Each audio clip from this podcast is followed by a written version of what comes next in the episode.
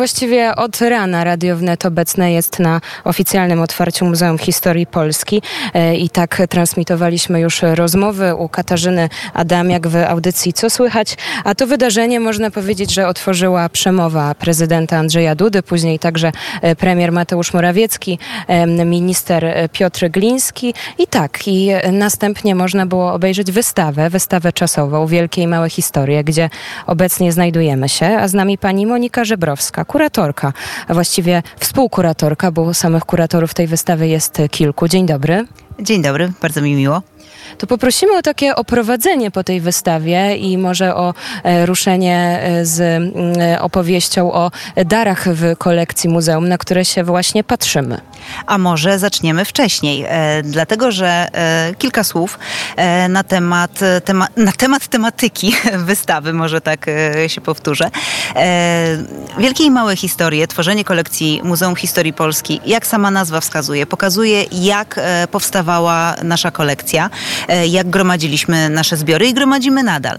I są różne metody, czy różne sposoby pozyskiwania tych zbiorów. I właśnie o tym mówimy na tej wystawie. Tylko, że początek, e, początek miał miejsce w średniowieczu.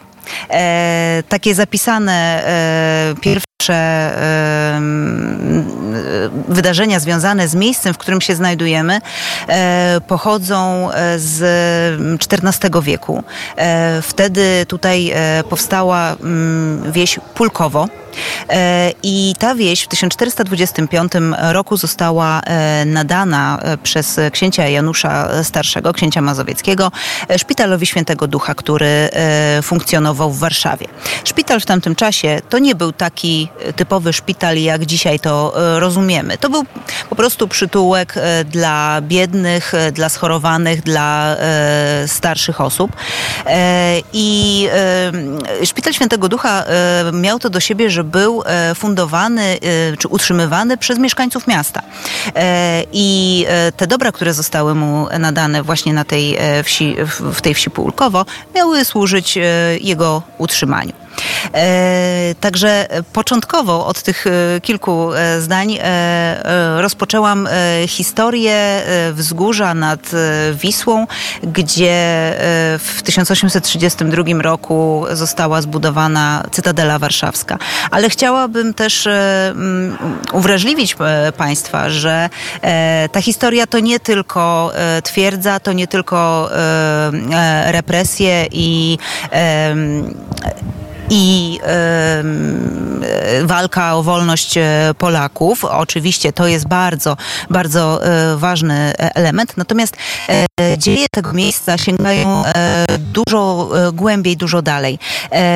W 1725 roku, w XVIII wieku, kiedy ziemie te częściowo trafiły w ręce prywatne, teren ten, ten dokładnie ten, na którym obecnie stoi gmach Muzeum Historii Polski, zostały wydzierżawione przez Stanisława Poniatowskiego, ojca przyszłego króla e, Polski, Stanisława Augusta.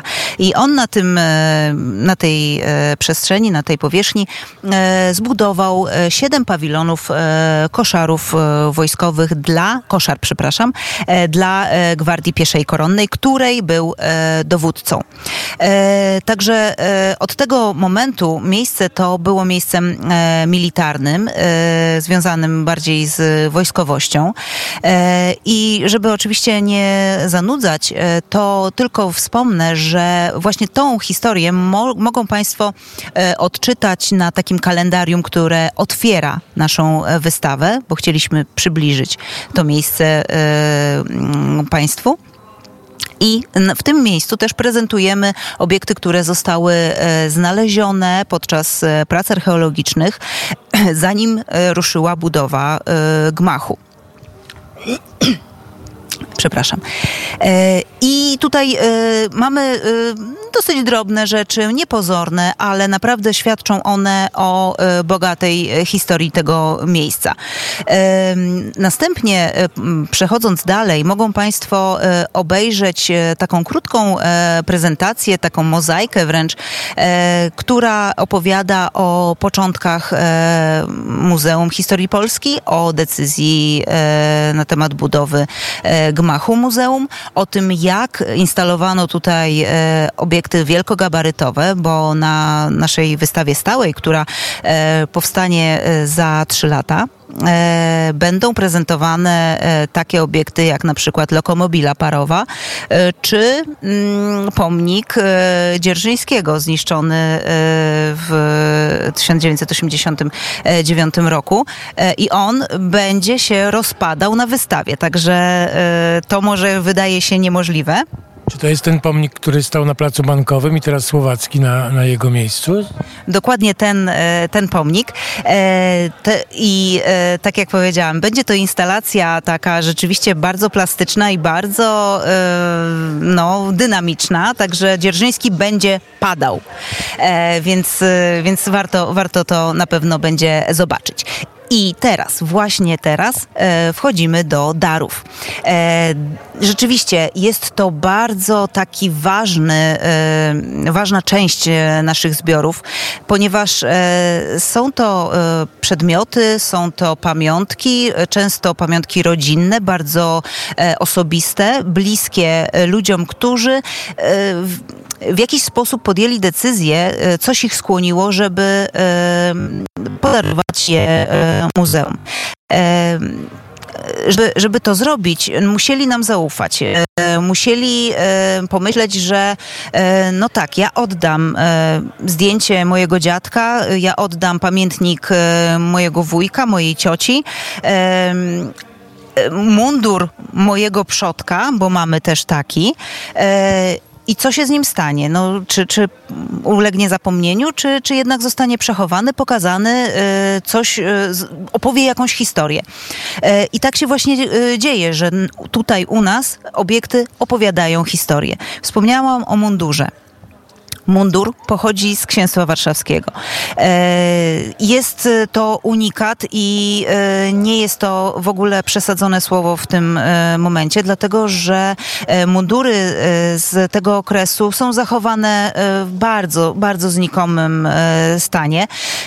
Dosłownie na sztuki możemy liczyć. Niestety zawieruchy wojenne, które spotkały nasz kraj spowodowały, że po prostu świadectwa minionych epok no, są bardzo, e, bardzo nieliczne.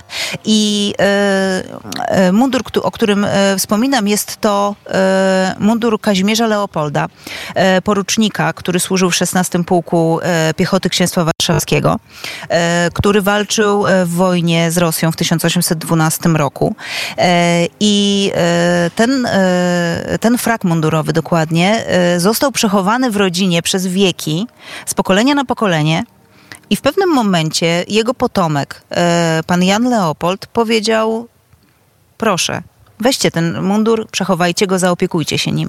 E, I teraz po konserwacji może e, tutaj nam pięknie reprezentować właśnie e, epokę e, księstwa e, warszawskiego.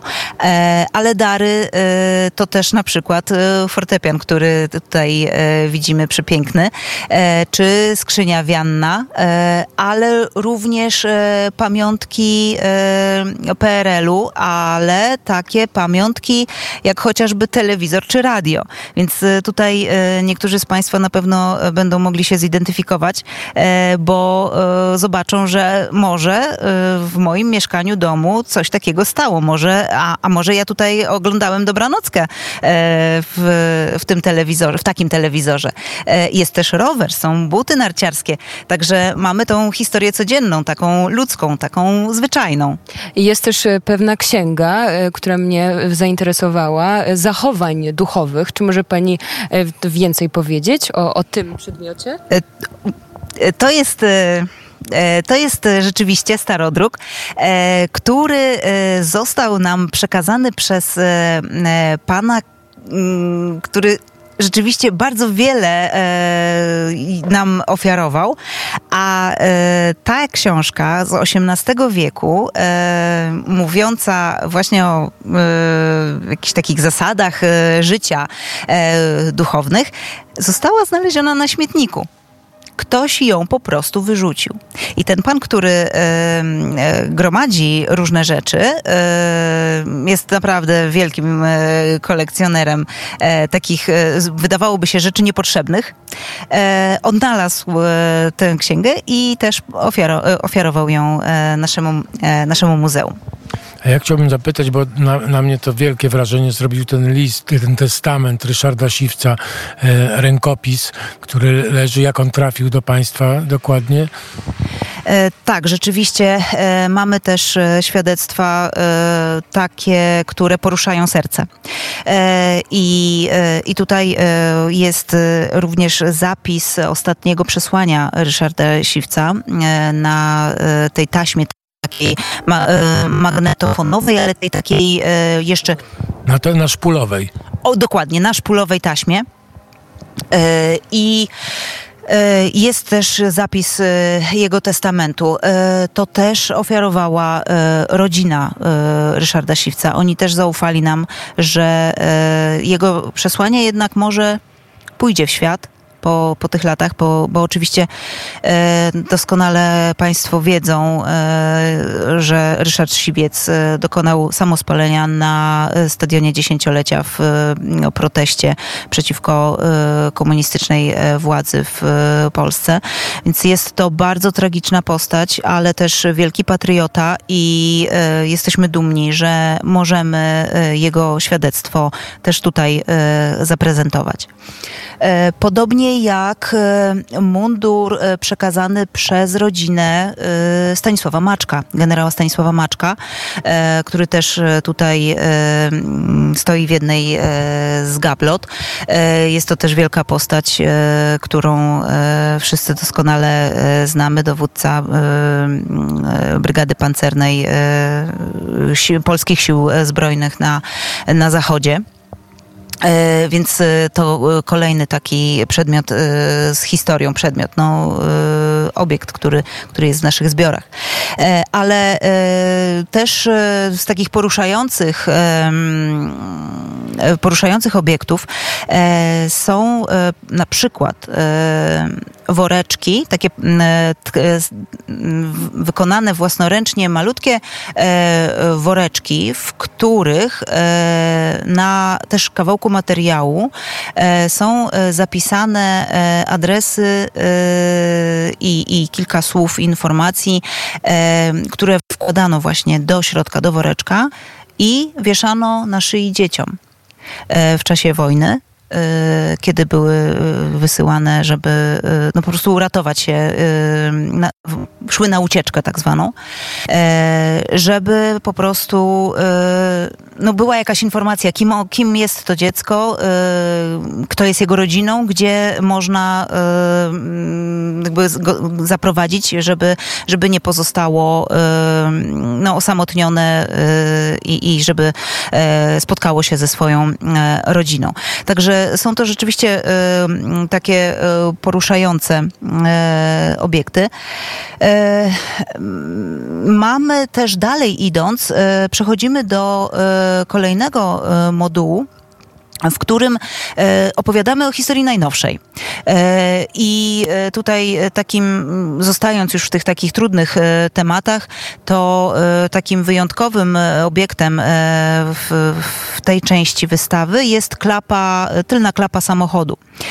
Jest ona wręcz popruta pociskami. Są ślady kul na całej tej klapie. Nie ma szyby, bo ona została po prostu zniszczona podczas ostrzału. Jest to e, klapa samochodu, który został ostrzelany podczas ataku rosyjskiego na, na Ukrainę. Samochód należał do lekarza, który po prostu w momencie, kiedy pod jego domem zaczął, zaczął się ostrzał, spakował rodzinę jakieś potrzebne, tylko najpotrzebniejsze rzeczy i e, takim ogromnym jakimś e, rajdem e, pełnym szczęścia m, mm, przez Rosję, przez, bo, bo rzeczywiście uciekał przez Rosję, przez bodajże Litwę i dopiero trafił do Polski. E, I e, ten samochód oczywiście wzbudzał ogromne zainteresowanie i sensacje. E, było też trochę informacji w mediach na ten temat. Mm, potem sobie stał zaparkowany na Grochowie. Jeśli chodzi o tego lekarza, on chce pozostać anonimowy, nie chce ujawniać się swoich danych. Natomiast on, jego samochód został wyremontowany E, bezpłatnie, e, ludzie po prostu mu e, pomogli. Natomiast ta klapa pozostała u mechanika, który, który wykonywał te prace naprawcze i w ten sposób też trafiła do naszych zbiorów jako świadectwo napadu Rosji na Ukrainę.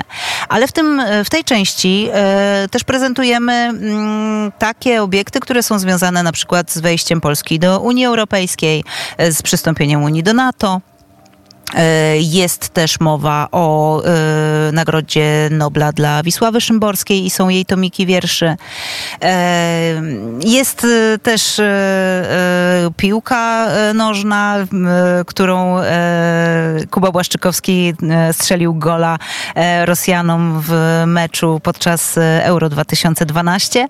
Jest jego opaska kapitańska, także tutaj możemy też takie zobaczyć obiekty więc y, tutaj ta historia przeplata się. Mamy i wesołe, y, bardziej radosne y, momenty w jej dziejach, jak i takie no, poważniejsze. E, są bardziej wzniosłe chwile, ale też te takie radosne, które nam przynoszą trochę szczęścia. E, A pani jest historykiem wojskowości. E, pracowała pani także nad tworzeniem tej wystawy czasowej w Muzeum Historii Polski. Proszę powiedzieć, może który z eksponatów, z artefaktów e, i pani można powiedzieć, że jakoś najbardziej się wybija, czy może, nie wiem, czy tak można to określić, ale jest bliski sercu, chociażby ze względu na to, że jest pani historykiem wojskowości. No trafiła pani w dziesiątkę, bo jest taki obiekt. jest taki obiekt, on się może nie y, rzucać w oczy, e, bo e, stoi sobie na samym końcu e, i jest to lufa sztucera. E, sztucer jest to e, długa broń palna, e, zwykle myśliwska i po, różni się od karabinu na przykład tym, że ma dosyć grubą lufę, gwintowaną, jest bardzo precyzyjną, bardziej precyzyjną bronią od karabinu i tak jak powiedziałam, zwykle był jako, używany jako broń myśliwska. Natomiast w pewnym momencie, pod koniec XVIII wieku, w sztucery y, zaczęto wyposażać kompanie wyborcze, kompanie y, strzelców, którzy właśnie działali w rozproszeniu, którzy, których domeną było strzelne, znaczy strzelanie do celu, bo wywodzili się oni zwykle z na przykład z rodzin myśliwskich i oni już znali tą, znali tą broń i e, właśnie dzięki temu sztucery zawitały też e, później w wojsku. Natomiast ten sztucer, o którym mówię, został odnaleziony w Wiśle. E, w sąsiedztwie pali mostowych. Jeden z takich pali też jest prezentowany i tutaj przechodzimy do kolejne, kolejnej części wystawy, czyli zabytków archeologicznych. Tylko chciałem zapytać, ile pani ma sztucerów w, w domu własnym? Ani jednego. Dziękuję. Nie, nie mam żadnej broni, absolutnie. E, natomiast rzeczywiście to jest e, taki mój ulubiony obiekt, chociaż e, no, może, tak jak powiedziałam, nie, nie, nie, nie należy do najbardziej spektakularnych. Natomiast już może tak, zmierzając ku końcowi mojej długiej wypowiedzi, ten, ta lufa została znaleziona w Wiśle, tak jak powiedziałam, w sąsiedztwie pali mostowych. Pali pochodzących z e, dawnego mostu ponińskiego, czyli takiego e, mostu, który był ufundowany, sfinansowany przez magnata Adama Ponińskiego w czasach, kiedy skarb królewski jednak nie, no nie był zbyt pełny i wtedy nastąpiła umowa między królem Stanisławem Augustem, a właśnie właśnie e, Magnatem Ponińskim, e, że ten sfinansuje budowę mostu, ale w zamian za to będzie mógł pobierać e, opłaty mostowe, korzystać po prostu z pewnych E, aby oczywiście ta inwestycja mu się w pewnym momencie e, zwróciła. E, I ten most był co prawda rozbierany na zimę, natomiast przetrwał tak naprawdę do insurekcji kościuszkowskiej do 1794 roku. Później on w czasie insurekcji został zniszczony, ale był odbudowywany i w tym miejscu, czyli jakby przedłużając ulicę Bednarską, jak jesteśmy na ulicy Bednarskiej i patrzymy w kierunku Pragi, to e, właśnie przez Wisłę tamtędy szedł most e, Ponińskiego. E, w 1809 roku został ostatecznie rozebrany. I wracamy do sztucera, bo już odbiegłam za daleko. Więc sztucer jest mm, czy ta, ta lufa, która pozostała, e, ma e, złote inskrypcje. To już wiemy, że coś e, nam mówi, że to mogła być broń luksusowa. I na tych inskrypcjach mamy nazwisko rusznikarza, który to wykonał, stempel rusznikarski i się okazuje, że jest to sztucer wykonany przez rusznikarzy Johanna Andreasa Kuchenreutera oraz jego brata Johanna Krzysztofa w Ratyzbonie I jeszcze e, u nasady lufy mamy inicjały właściciela KXR. E, I najprawdopodobniej są to inicjały Karola księcia Radziwiła, czyli słynnego panie kochanku. Co się e, później w dalszych moich badaniach okazało, e, że w Muzeum Narodowym w Poznaniu jest e, broń z podobnymi inicjałami, a wręcz powiedziałabym, że niemalże identycznymi. Jest to pistolet. I można powiedzieć, że y, idąc dalej po prostu w swoich jakichś dedukcjach, y, na lufie jest y, y cyferka 2 y, wyryta. To oznacza, że y, sztucer jest drugi z kompletu co najmniej dwóch, bo był jeden i dwa. I mamy ten pistolet. Więc możemy y, wydedukować, że to był cały garnitur broni, który został wykonany na zamówienie, na przykład jako prezent więc mogła być ona wykonana e, przed 1790 e, rokiem, bo w tym roku zmarł książę Radziwiłł. także bardzo ciekawa historia tej, tej lufy. udało się jakoś tak tą układankę poskładać, na razie częściowo.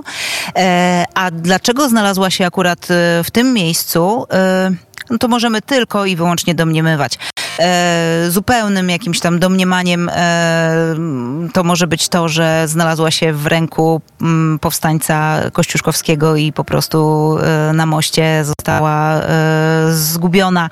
Ona mogła równie dobrze przepłynąć jakiś e, e, fragment Wisły i, i po prostu osadzić się w pewnym miejscu przy tych palach i, i w ten sposób się tam znaleźć.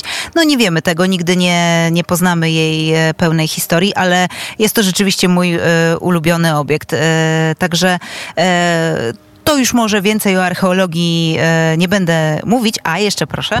No, teraz chciałem zapytać o Pani osobistą historię. Jak to się, jak do tego doszło, że została Pani kuratorem otwieranej wystawy przez prezydenta, premiera i e, wielu, no to też wspaniała droga. Pani jest młodą, piękną osobą e, i to e, musi być też niesłychana historia, e, no bo Pani tutaj naprawdę jest e, wielką gwiazdą. Bardzo dziękuję, bardzo mi miło. E, no tak, rzeczywiście moja historia jest e, dosyć długa. Ja e, odkąd zaczęłam studia na Wydziale Historii o specjalności archiwalno-muzealnej, to rzeczywiście marzyłam o pracy w muzeum. Długo to marzenie się nie spełniało, ale w pewnym momencie rzeczywiście nastał taki czas bardzo to, to było takie zrządzenie losu, można powiedzieć, bo e, no może już tak e, nie wiem, czy wprowadzać Państwa w swoje jakieś takie osobiste e, historie, natomiast w, tysiąc, w 2012 roku e, w Ostrołęce e, otwierano nowy obiekt. E, było to mauzoleum żołnierzy poległych w bitwie pod Ostrołęką w 1831 roku. I tam poszukiwano historyka do tego, aby zajął się ekspozycją jako przewodnik, jako taki E, kurator właśnie w tamtym miejscu. E, I po prostu złożyłam e, CV, jak to zwykle bywa w takich momentach. Poszłam na rozmowę kwalifikacyjną. Się dostałam. Tak była, e, tak wygląda, to, i to była właśnie moja pierwsza praca e, jako, jako muzealnik. E, po, po kilku latach przeniosłam się do Muzeum Regionalnego w Półtusku, gdzie mogłam pracować w różnych, mm, w różnych dziedzinach, bo i tworzyłam wystawy, ale też prowadziłam projekty finansowane zewnętrznie, na przykład takim naszym wielkim sukcesem było zorganizowanie spektaklu teatralnego z udziałem e, młodzieży e, na temat żołnierzy wyklętych, ale żołnierzy wyklętych właśnie w tym, w tym mieście, młodzieży, która zaangażowała się w walkę z komunizmem i rzeczywiście przypłaciła to bardzo, no bardzo mocno, więc mm, żeby upamiętnić ich, zorganizowaliśmy właśnie taki spektakl teatralny, więc w muzeum można też działać w teatrze, jak się okazuje. Także tam rzeczywiście mogłam się rozwinąć w różnych e, dziedzinach, różnych aspektach. E, dzięki temu też e, otrzymałam stanowisko kustosza, bo mój dorobek już pozwalał na to, aby właśnie pan minister zatwierdził jakby ten dorobek do tego, aby zostać kustoszem. I potem przeniosłam się też na zasadzie wysyłania CV i chodzenia na rozmowy kwalifikacyjne. E, tutaj e, pani kierownik e, prowadziła ze mną rozmowę i widocznie ja coś, coś wyczuła, że jednak jest między nami jakieś powiązanie, być może ze względu na imię, bo też ma Monika na imię, jak ja. I zdecydowała, że, że ja będę tą osobą, która uzupełni jej zespół. I tak trafiłam właśnie do działu zbiorów Muzeum Historii Polski Polski. E, I bardzo szybko okazało się, że będziemy organizować wystawę na otwarcie nowego gmachu.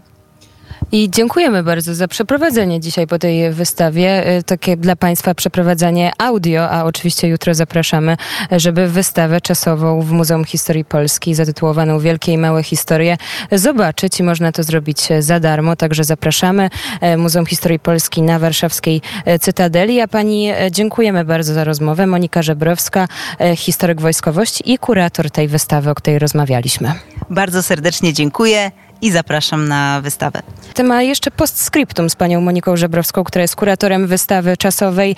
E, no właśnie, co to za postscriptum?